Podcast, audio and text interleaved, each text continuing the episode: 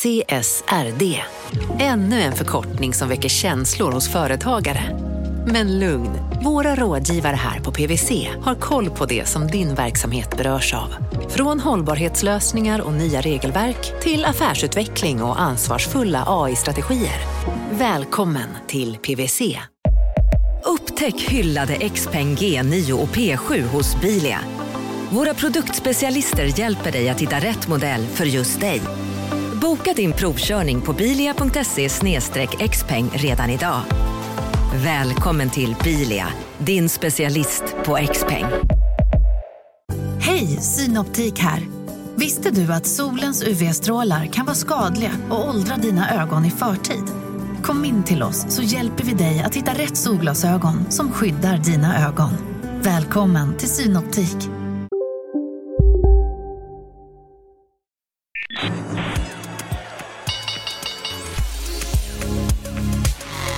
Det här är Affärsvärlden med Helene Rådstein. Hej och hjärtligt välkomna till podden Affärsvärlden där vi varje torsdag fördjupar oss i affärsvärldens journalistik. Jag sitter här med Johan Eklund, du är börsreporter och analytiker på Affärsvärlden. Välkommen! Tack Helene. Hej. Du, eh, du har gjort ett så himla ambitiöst jobb i magasinet som handlar om vilken vd ska man ta rygg på egentligen vid investeringar. Kan man säga det? Ja, det var väl frågeställningen på redaktionen. Vi, finns det vd som, som har lyckats avkasta mer länge då, bara ur aktieägarnas perspektiv? Så inga eh, egentliga perspektiv kring hur de har gjort eller om det har, har skett på ett eh, liksom CSR-mässigt bra eller dåligt sätt, utan detta är ren och skär avkastning. Ja, ren och skär. Men fick vi några... Var det några lite tveksamma bolag här eller ändå? Det var väl ganska CSR... Ja, jag, jag tänkte inte lägga på det, den linsen och det Nej. lagret. Men Nej. självklart är det ju så att, att bolag som i längden eh, får vara på börsen och, och, växa sig där. De flesta av dem eh, är ju ändå inte extremt långt ut på, på riskskalan. Nej. Och det kan ju korrelera då till eh, CSR-rankingar och så, att man, man inte sysslar med, med, med någonting på, på någon väldigt besvärlig plats under mm. kanske tveksamma förhållanden. Utan i längden kanske det straffar sig att, att det händer något dåligt då. Mm. Om man kollar, vad, vad, skulle du säga, som, vad överraskade dig mest när du tog fram Eh, de hade ju flera listor. Jag vet inte hur... Eh, vad säger du över lyssnaren? Ska vi gå igenom olika listor här, eller hur du har tänkt? Eh, frågan var ju, finns det vd som, som överavkastar på något slags systematiskt sätt? Svaret är? Ja, det, det gör det. Men man vill ju tro att vdn i ett genomsnittligt bolag på något sätt avgör liksom bolagets framtid och, och då hur bra betalt man får som aktieägare. Och där kan man väl kanske inte säga ja, det gör hen, utan det hänger väldigt mycket på bolaget, skulle jag säga. Och vi kan komma till det, vilken sorts vd som faktiskt kanske är intressant att studera över lång tid. Eh, för det, det är en sak att vara duktig i sin, sin dagliga roll som vd. Och det är en annan sak att, att bolaget är rätt och så pass starkt att det faktiskt spelar någon roll på börsen. Kan... Ja, och det ena är ju bolaget och det andra är ju att skapa börsvärde. Liksom. Det är ju faktiskt två olika saker. Ja. Det, det, är två olika saker och det är lite så här, man kan man, man, man jämför olika divisioner eller man jämför äpplen och päron. Det är branschförutsättningar avgör ganska mycket hur långvarig en vd faktiskt får bli.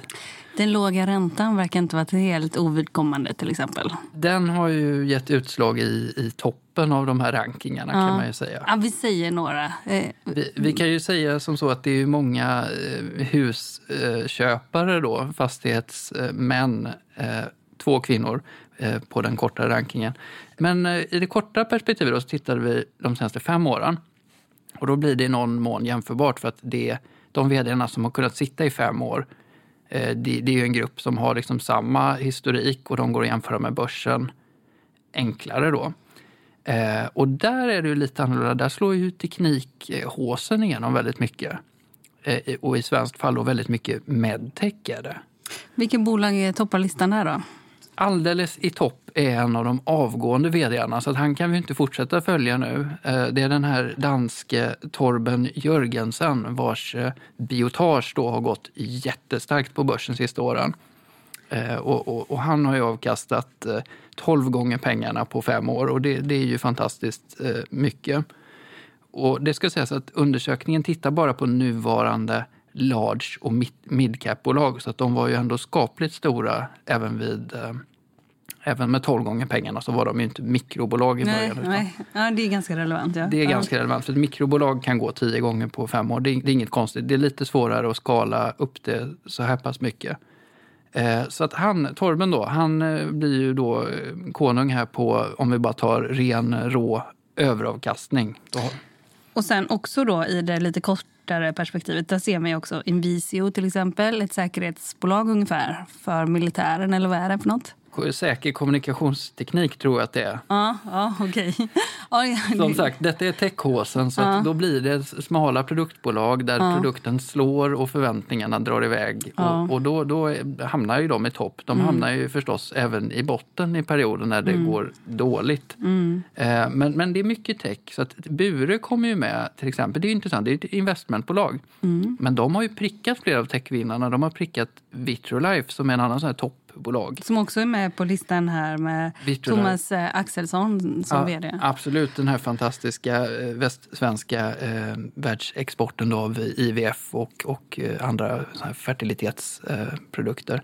Eh, Precis, det är mycket tech och sen är det faktiskt även en fastighetsman som även ur femårsperspektivet är med och toppar och det är ju då Sagax David Mindus.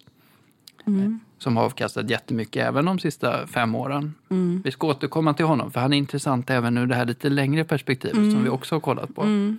Om jag förstår det rätt så menar du också så här att vd som eh, liksom lyckas med bra avkastning de har ju också ridit på en underliggande trend. Alltså vad är vad? Det är ganska svårt att eh, det, särskilja variabler här. Det, det, är ganska svårt men, men poängen är väl att, att om man blir så pass långlivad som i alla fall fem år då är mm. man ju åtminstone åtminstone, är man en hoppjerka då så är man i alla fall en hoppjerka som har lyckats hålla sig på en plats ett tag. Mm. Jag pratade faktiskt med Lifcos förra vd eh, Fredrik Karlsson och han betonade vikten av att ha tur. Säg att vi bara säger ja den här vdn har haft tur. Mm. Så menar han ju, och lite ironiskt och nog mest allvar, att det skapar förtroende också i nästa, mm. vad man gör nästa steg och sådär. Så även om man bara avfärdar någon med tur mm. så är det viktigt att ha tur. Det är viktigt att ha tur och det är ju särskilt viktigt om du har ett liksom, rörelsedrivande operationellt bolag som bara har ett produktområde eller, eller liknande. Mm. Att just din produkt ska slå eh, och att förväntningarna på den ska komma upp, det är ju eh, en mix av tur och skicklighet. Marknaden sponsras av SPP, pensionsbolaget. Eh, förra gången pratade vi lite om ITP och som en kort repetition så, så var det ju 70-tal, arbetsmarknadens parter bestämde att alla tjänstemän ska ha en tjänstepension. Man kom överens om vilka villkor som ska gälla i den här pensionen och så kallade man den för ITP. Så jobbar man idag som tjänsteman i ett företag med kollektivavtal, då har man förmodligen den här pensionen, ITP-pensionen. Eh, och det är ju så att man kan påverka eh, den här pensionen, hur den är placerad. Vart femte år så gör nämligen Collectum, som de heter, en enorm upphandling där olika pensionsbolag kan ansöka om att få förvalta eh, de här pensionerna. Och SPP är ett av bolagen som valdes ut i den senaste upphandlingen. Och sen kan du som pensionssparare välja eh, vilket av de här olika pensionsbolagen som, som då ska få ta hand om dina pengar. Och tanken med den här upphandlingen är ju att liksom kvalitetssäkra de här olika alternativen eh, men också att förhandla fram stora rabatter så att pensionsspararna ska få, ja, kunna spara pengar genom att avgifterna eh, som är så viktiga eh, blir eh, lägre. Och vill man välja någonting i ITP-systemet då finns det en relativt ny sajt som heter avtalat.se. Ehm, där kan man gå in och se hur sin ITP-pension är placerad. Jag gjorde det häromdagen faktiskt. Ehm, idén är att hälften av pengarna alltid ligger i något som kallas för traditionell försäkring. Det här gjorde vi ett avsnitt om i podden Kapitalet nyligen eh, som vi kallade världens bästa sparform. kan man lyssna på om man är intresserad. Eh, den andra halvan eh, den kan man också lägga i en traditionell försäkring eller så kan man placera det i något som kallas för fondförsäkring. Ehm, SPP som sagt eh, var ju ett av de fåtal bolagen som valdes ut i den senaste upphandlingen och de finns med som alternativ både med en traditionell försäkring och med eh, fonder. Så det var en liten bakgrund till ITP-systemet. Vill man läsa mer om det här eller typ kolla hur ITP-pensionen är placerad, eh, kanske göra förändringar, då går man in på avtalat.se. Eh, men tack säger jag till SPP som vill göra oss människor mer medvetna om hur enormt viktig pensionen är för oss som en framtida lön, men också som en positiv kraft i samhället. Eh, och förstås för att ni möjliggör eh, den här podden Marknaden. Du lyssnar på Affärsvärlden Magasin med Helene Rådstein. Du, de här som man tittar på motvindsmatadorerna som du har döpt. Ja. Det är jättepoetiskt ord. Du är ju en poet här ju. Det vet jag inte, men, men affärsvärlden tycker om att och, och försöka rama in med, med, med, olika eleganta benämningar. Och motvindsmatadorer, det, det, får vi väl hoppas att det platsar där. Men jo, de är också intressanta som grupp faktiskt att studera. Det är ju liksom vd som ändå får sitta kvar trots att de underpresterar mot eh, index och, och förmodligen mot vad deras aktieägare förväntar sig. Då. De har ju förstås lite olika mål beroende på vad de gör men de har liksom inte presterat en bra avkastning kortsiktigt. Och de kan ju ha haft precis samma sak, trender, fast de har blåst rakt i motvind mot dem. Eller så har de helt enkelt inte lyckas leverera. Och här så ser man då att det är några bolag. Det är JM, Trelleborg och Telia bland annat och Oscar Properties. Vad är din eh, slutsats där? Men det är ju det är en mix av det här med trender. Och trenden med, med bostadsutvecklarna som, som alla trodde på eh, fram till 2017 eh, och därpå ingen tror på. Den avspeglar sig förstås i Oscar Properties som, som hade en jättefin avkastningskurva och fick in mer och mer pengar upp till en viss punkt när marknaden vände mot dem. Varpå de, de har utvecklats till en av de sämsta börsplaceringarna över eh, midcap uppåt mm. i procent. Hade vi gjort den här fem år tidigare? Den här ja. rankningen? Hade vi gjort den här efter att de gick på börs och tog in allt kapitalet så hade alla förvaltare varit ute och, och, och sagt att det här är lovande och det här kommer bli jättebra och vi mm. tror på detta. Mm. mm. Så att det är ju lätt så med facit i efterhand. Och här är det ju en, en trend som verkligen har gått emot ett bolag som är väldigt beroende av sin marknad under en sån mm. fas när man ska mm. växa snabbt. Så att Oscar Properties, men även JM då som eh, etablerad aktör, de åker ju också på den här motvinden. Mm. Eh, så de har vi förstås, de har åkt på det.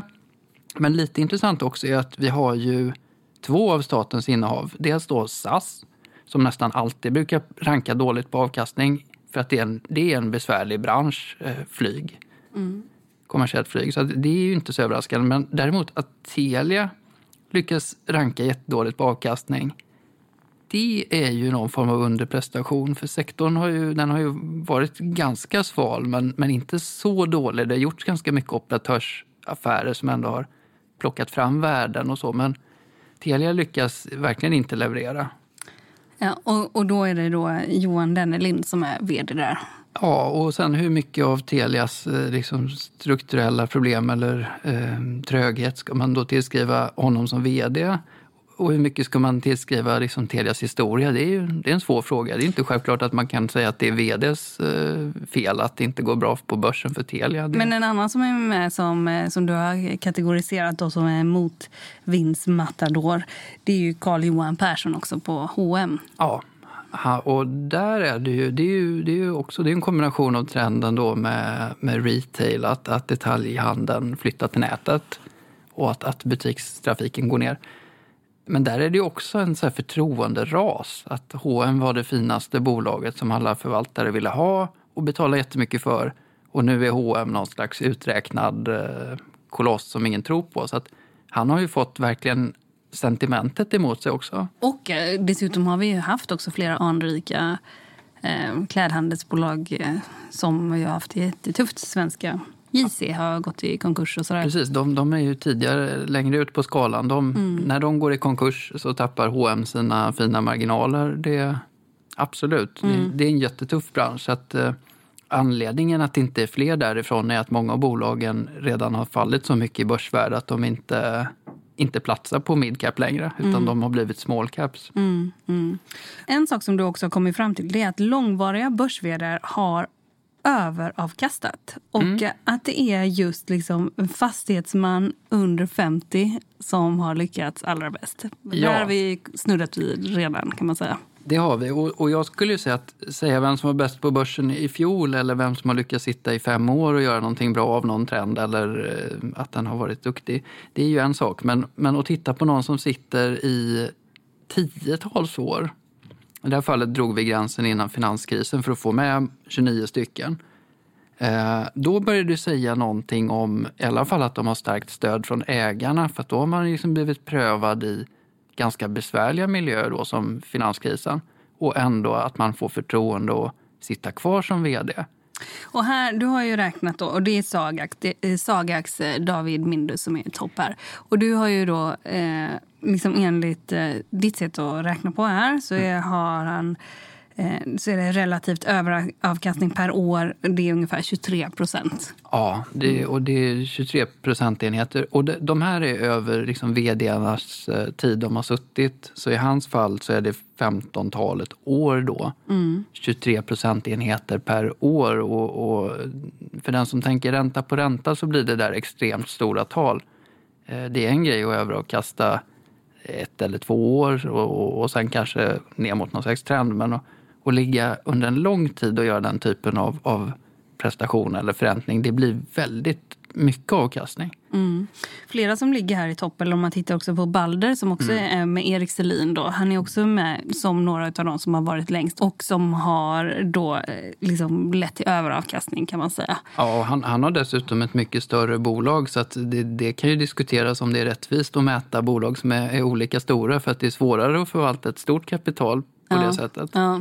Men en gemensam nämnare är ju också att David Mindus till exempel, han är medgrundare av Sagax mm. och att Erik Selin, han är ju också grundare. grundare. Mm. Egentligen köpte han väl delar av Balder på något sätt från början. Men i alla fall det som är Balder idag. Ja, ja verkligen. Ja. ja. det är ju, det är ju någon slags finansiella entreprenörer kan man ju se dem som. Ja, det är väldigt bra ord. Ja, ja, ja precis. De är, de, är ju, de är ju förvaltare men de är också kreativa i hur de gör sina affärer. Det är olika skolor här. Ska mm. en entreprenör också vara vd? Det är ju väldigt olika skolor. Och ja. Har man jobbat på ett bolag där just eh, grundaren har varit vd så vet man att det kan vara ganska prövande, ärligt talat. Det kan jag tänka mig. Jag, ja. Absolut, men, men jo, det förenar dem att många av dem är ju själva medgrundare eller storägare och de som inte var det från början, de har i alla fall haft någon stark storägare i ryggen som har trott på dem mm. i ganska tidig ålder mm, mm. och som inte har liksom slängt ut dem när det har varit svackor utan mm. låtit dem reda upp eh, mm. de dippar som har varit. För, för, för, det vi ser här i toppen då, det är ju, vi kan säga varannan. Vi säger, då, då, det, den vi ser i toppen här, det är ju David Mindus på Sagax. Ja, sen har vi ju Ola Rolén, Hexagon. Mm. Jörgen Wig på Lagerkrans. Och sen har vi Selin Balder. Och sen har vi då Torbjörn Jörgensen på Bitash. Precis, femårsvinnaren ja. som nu ska lämna. Men har, du som är så himla... Du följer ju börsen så noga. Du är analytiker och reporter och så vidare. Har du fått upp Har du liksom lärt dig någonting när du har gått igenom alla de här bolagen och alla de här vdarna? Har du själv reagerat över någonting som oj då, att det kunde se ut så här? Eller något, liksom... ja, det är väl en del av de här midcap-doldisarna som jag inte känner till. Man kan inte ha, det finns folk som har väldigt bra koll på vd eh, på börsen. Men, men jo, jag blir väl lite överraskad av en del, eh, en del såna här lite täckiga namn. Att de ändå har hållit på så länge. Mm. Eh, det, det blir jag ju, men det, det har ju med ren okunskap att jag inte följer tekniksektorn så mycket. Eh, men nej, andra in, insikter kring det, det är väl just att det är svårt att bli så pass långvarig att du har en väldig utslagning längs med vägen. Mm. Vilket gör att ett sånt här urval det säger ju inte att det kommer gå lika bra framåt för att de har ju kommit upp i ålder och så vidare. Men det säger ändå någonting om eh, att, att långvarigheten i sig är någon slags betyg på att de är, är så pass bra att de får fortsatt förtroende år efter år. Mm. Och, och, och, en grej som är lite intressant här, och det har väl kanske med, med strukturen att göra i börssammanhang och näringslivet, det är ju att det är ju inga kvinnor som har kommit upp i den typen av långvarighet att de ens har suttit sen innan finanskrisen i ett och samma börsbolag, large eller mid idag. Det kan man ju ta en funderare kring. Och de som finns kanske inte är så duktiga, jag har ingen aning. De är säkert Jag skojar. li, lika duktiga. Så att jag, jag, jag tror snarare det, det, det, det ger ett utslag. Var på en sån här ranking kommer ju se helt annorlunda ut om du kör den om eh, tio år. Du lyssnar på Affärsvärlden med Helene Rådstein. Eh, marknaden sponsras av Karla. Eh, vi pratar ju en hel del om bilar här- på kontoret. Eh, Karla har ju skapat, skulle jag säga, det som är standarden för hur man idag köper och säljer bilar på nätet. Kort bakgrund bara. Karla säljer och leasar begagnade elbilar och laddhybrider på karla.se. Alltså en helt digital upplevelse.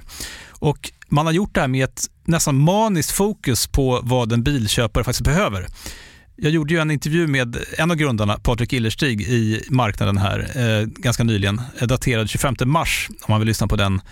Eh, men där berättar han hur de kom in i det här lite från vänster för att försöka uppfinna hela den här liksom bilköpupplevelsen från början. Och de har idag, vilket är rätt otroligt, 4,8 i betyg eh, på Trustpilot. Jag, jag har sett många företagssidor på Trustpilot, men det här är nog bland eh, det bästa jag någonsin sett eh, faktiskt. Man kan sälja bilen till Karla också. Eh, då går man in på karla.se, delar lite info om bilen, sen får man en gratis värdering och ett bud. De hämtar bilen helt gratis i hela Sverige och så har man pengarna på kontot i samma stund som de hämtar bilen. Det är grymt. Eh, så ska du köpa en ny bil eller sälja din gamla, eller båda delar för den delen, gå in på karla.se och eh, kolla. Alltså karla.se och Karla stavas med C. Tack så mycket till Karla.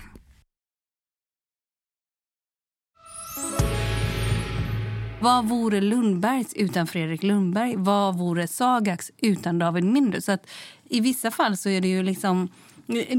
De upplevs ju som bolaget. Ja. Och de är, liksom kanske är bolag. Det, det vet man ju inte riktigt utifrån. Men Nej, men absolut i, i sådana fall att det är de som går till ett förhandlingsbord och, och bestämmer med, med egna aktieäganden eh, och, och full uppbackning av styrelsen eh, vad som ska hända framåt. De stora dimensionerna, det är klart att de i någon mån är bolaget om, jo, om man tänker också om man ska köpa till exempel aktier till sina barnbarn eller så här, Mm. och inte ha så jättebra koll och tänker det här ska vara liksom... eh, Nu är ingen av de här så jättegamla. Jag vet inte. Nej, det är ju det åldersmässigt då. Så de, de har ju börjat allihop i 30 till vi säger 50 års åldern, de som har kommit upp i de här långa åldrarna. Eh, Så att de ligger ju idag mellan knappt 50 och eh, 74 i år på Sven-Olof Johansson. Men eh, det, det ska jag komma till sen då, att, att de som faktiskt kan hålla på upp i hög ålder det är ju den här typen av lite förvaltande, kanske finansiella entreprenörer som inte behöver ta omstruktureringar och eh, liksom operativt personalansvar för tusentals människor och, och fighter i styrelsen med Gardell och vad det nu är. Man slipper det. Man, man har koll på liksom kapitalet och, och försöker att förränta det så bra som möjligt. För, ja, för en sak här vi ser det är ju att det, det kryllar ju inte av eh, verkstadsbolag till exempel. Nej, de blir ju utrensade över tid för att då finns det olika viljor i styrelsen och det finns olika trender i branschen att man ska optimera på olika sätt och ändra allting. Eller det heter att man ska ändra allting, det är ju samma bolag men man ska stöpas om och ut. Och, och då blir det väldigt mycket det här kortsiktiga, att man gör sina år och, och man får liksom glänsa då. Man, kommer Man ska sätta sin prägel. man ska sätta sin prägel, sin strategi och så här. Och det, det är ju lätt att raljera kring det. Men för aktieägarna så vill det ju till att bolaget då är outstanding. För att de här direktörerna som sitter på toppen, de kommer ju och går. De sitter inte så länge. Det finns inga banker heller. Det gör det ju faktiskt inte.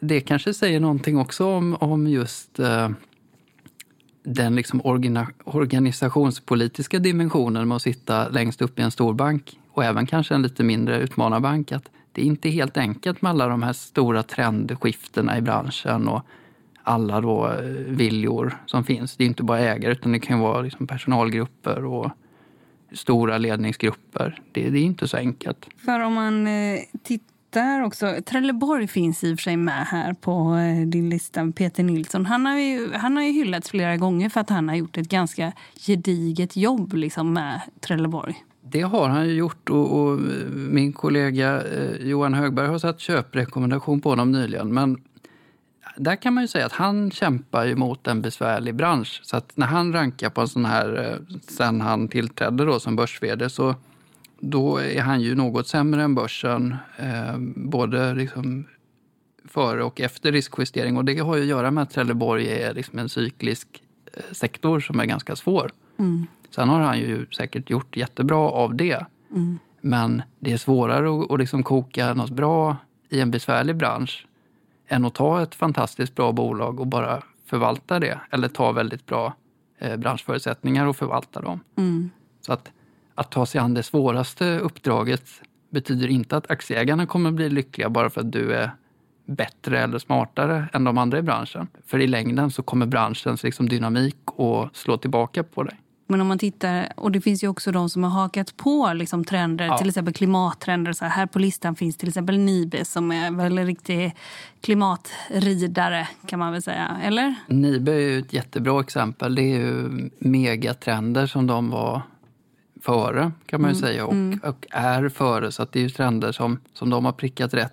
Med sina smarta värmelösningar på olika sätt. Absolut, och det, de har ju ridit på det. Så de har ju kunnat se vilka tekniker som kommer och, och förvärva till sig och sprida sig från Norden och ut i världen. Och, och då mm. ligger de ju rätt då, för de har ju dessutom haft turen att, att deras marknader och deras teknik har ju legat lite före den stora breda vågen i andra länder.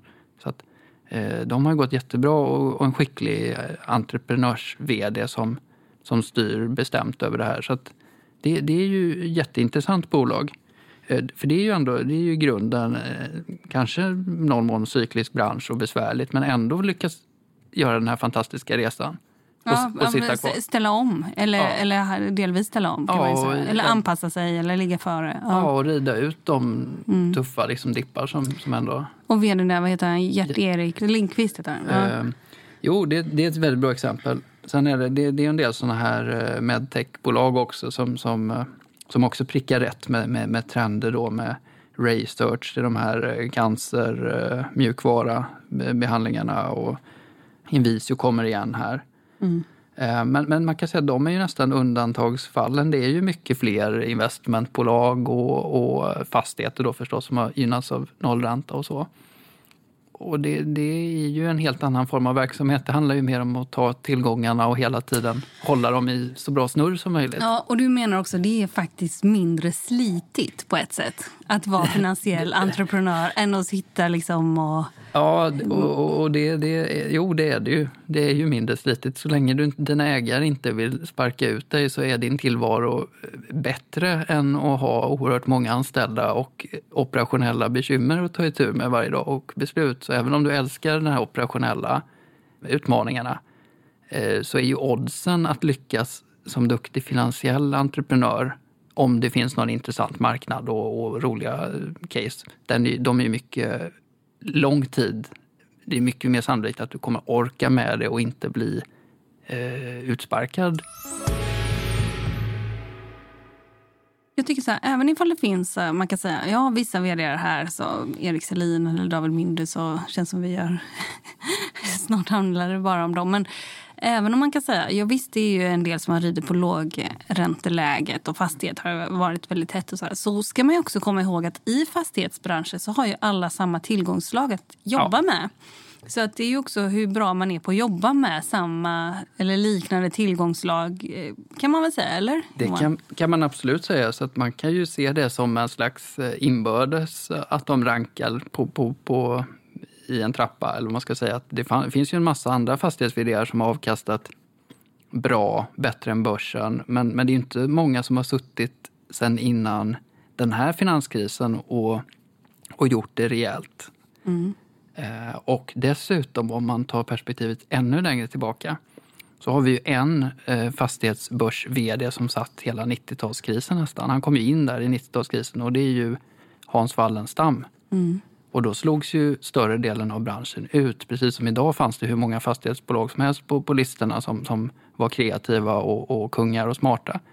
Eh, men hans bolag var en av de som, som klarade förhandlingarna med bankerna och faktiskt fick behålla alla husen. Mm. Och, och sen var med på hela den här ränteresan. Mm. Så att det säger ju kanske någonting om tiderna också. att När en bransch är så extremt gynnad av någon yttre faktor och alla ska in i den det är inte säkert att de kommer ha det lika lätt kommande 20 år. Så verkar det ju verkligen vara. Och, alltså, så verkar det ju absolut vara. Det känns ju som en nagelbitare med alla de här bostadsutvecklarna till exempel. Till exempel. Ja, eller hur? Eller finns det något annat? Bank känns också ganska spännande. Bank är ju alltid spännande. Ja, men det... också så här, under, de befinner sig under värsta pressen och under tiden de befinner sig under disruption och branschen digitaliseras så är ju varenda bank ute och penningtvättar verkar det som. Så, så skulle man kunna få intrycket utifrån. Det, det vill, vill, jag inte tro att, att det är så illa. Men självklart, det, de har mer komplicerade verksamheter idag. I alla fall i Norden så har vi fått ovanligt många nyheter från, som liksom rör de nordiska bankerna. Absolut, de har ju varit tidigare lite fredade från, från de har haft en lite högre värdering och lite högre anseende utomlands. Svansföring. Och svansföring förstås på slutet, för det får mm. man när man ja. då prisas och, och, mm. och, får beröm. Men jo, det är intressant med bankerna och det kan ju säga att det, de är ju med också och backar upp alla de här fastigheterna. Så att, eh, de kommunicerar ju lite de där kärlen. Ja, verkligen. Johan, du säger också så här, eh, det finns Warren Buffett-typer att ta rygg på. Vad, ja. liksom, vad menar du? Ja, men jag menar de här typerna som, som då inte har den här superbesvärliga operationella vd-tillvaron utan att, att vd faktiskt är synonymt med den som sitter vid ett förhandlingsbord eller eh, träffar bolag för att köpa och sälja andelar men, men som sen mest ägnar sig åt att flytta runt och hålla pengarna på bästa möjliga ställe så att de förräntar på ett bra sätt för dig som aktieägare. För det som man ibland kan tänka är att vd sitter så högst upp. Så här. Men det mm. finns ju i praktiken också, och också om jag förstår dig att vd som nästan får rollen som en slags mellanchef. Ja, det skulle man kunna säga. Eller så blir klämd som en klassisk mellanchef, eller? Ja, har du otur så blir du ju klämd av din styrelse och dina storägare som bråkar med varandra. Mm. Och, och, så ska du dessutom då visa dig handlingskraftig via stora gester och kanske ego och, och så vidare, imperiebyggande. Då blir det ju problematiskt att faktiskt leverera avkastning för att det blir liksom en eh, den blir en funktion av vad du hittar på på kort sikt och vad folk tycker om dig mm. och branschen för stunden. Mer än att du faktiskt bygger någonting långsiktigt eh, bra. Mm det, det är två olika saker. Johan Eklund, tack så mycket för att du gör så här gediget arbete och för att du kom hit. Tack så mycket. Innan vi avslutar dagens avsnitt vill jag passa på att göra reklam för Almedalen. Vi är där och vi har 12 seminarium på tre dagar. Vi jobbar som dårar. Det som är gemensamt för alla våra seminarier det är att de som deltar i panelen det är tunga personer inom näringslivet. Det är Nordeas vd, Stockholmsbörsens vd och Lena Apler på Collector. Det är de kändisarna som finns inom näringslivet och många gånger inom finans. Vi kommer också prata om framtidens handel, vi kommer prata om penningtvätt och vi kommer prata om e-krona och konjunktur och konkurrenskraft. Och detta under seminarier som vi gör tillsammans med Deloitte. Vi håller till på Strandgatan 22 i Visby och ni är hjärtligt välkomna dit Du har lyssnat på en podd från Affärsvärlden. Jag heter Helene Rothstein. Mer fördjupande journalistik om näringslivet finns både på nätet och i Sveriges äldsta och faktiskt bästa affärsmagasin. Du hittar oss enklast på affärsvärlden.se och podden, den är tillbaka om en vecka. Håll ut!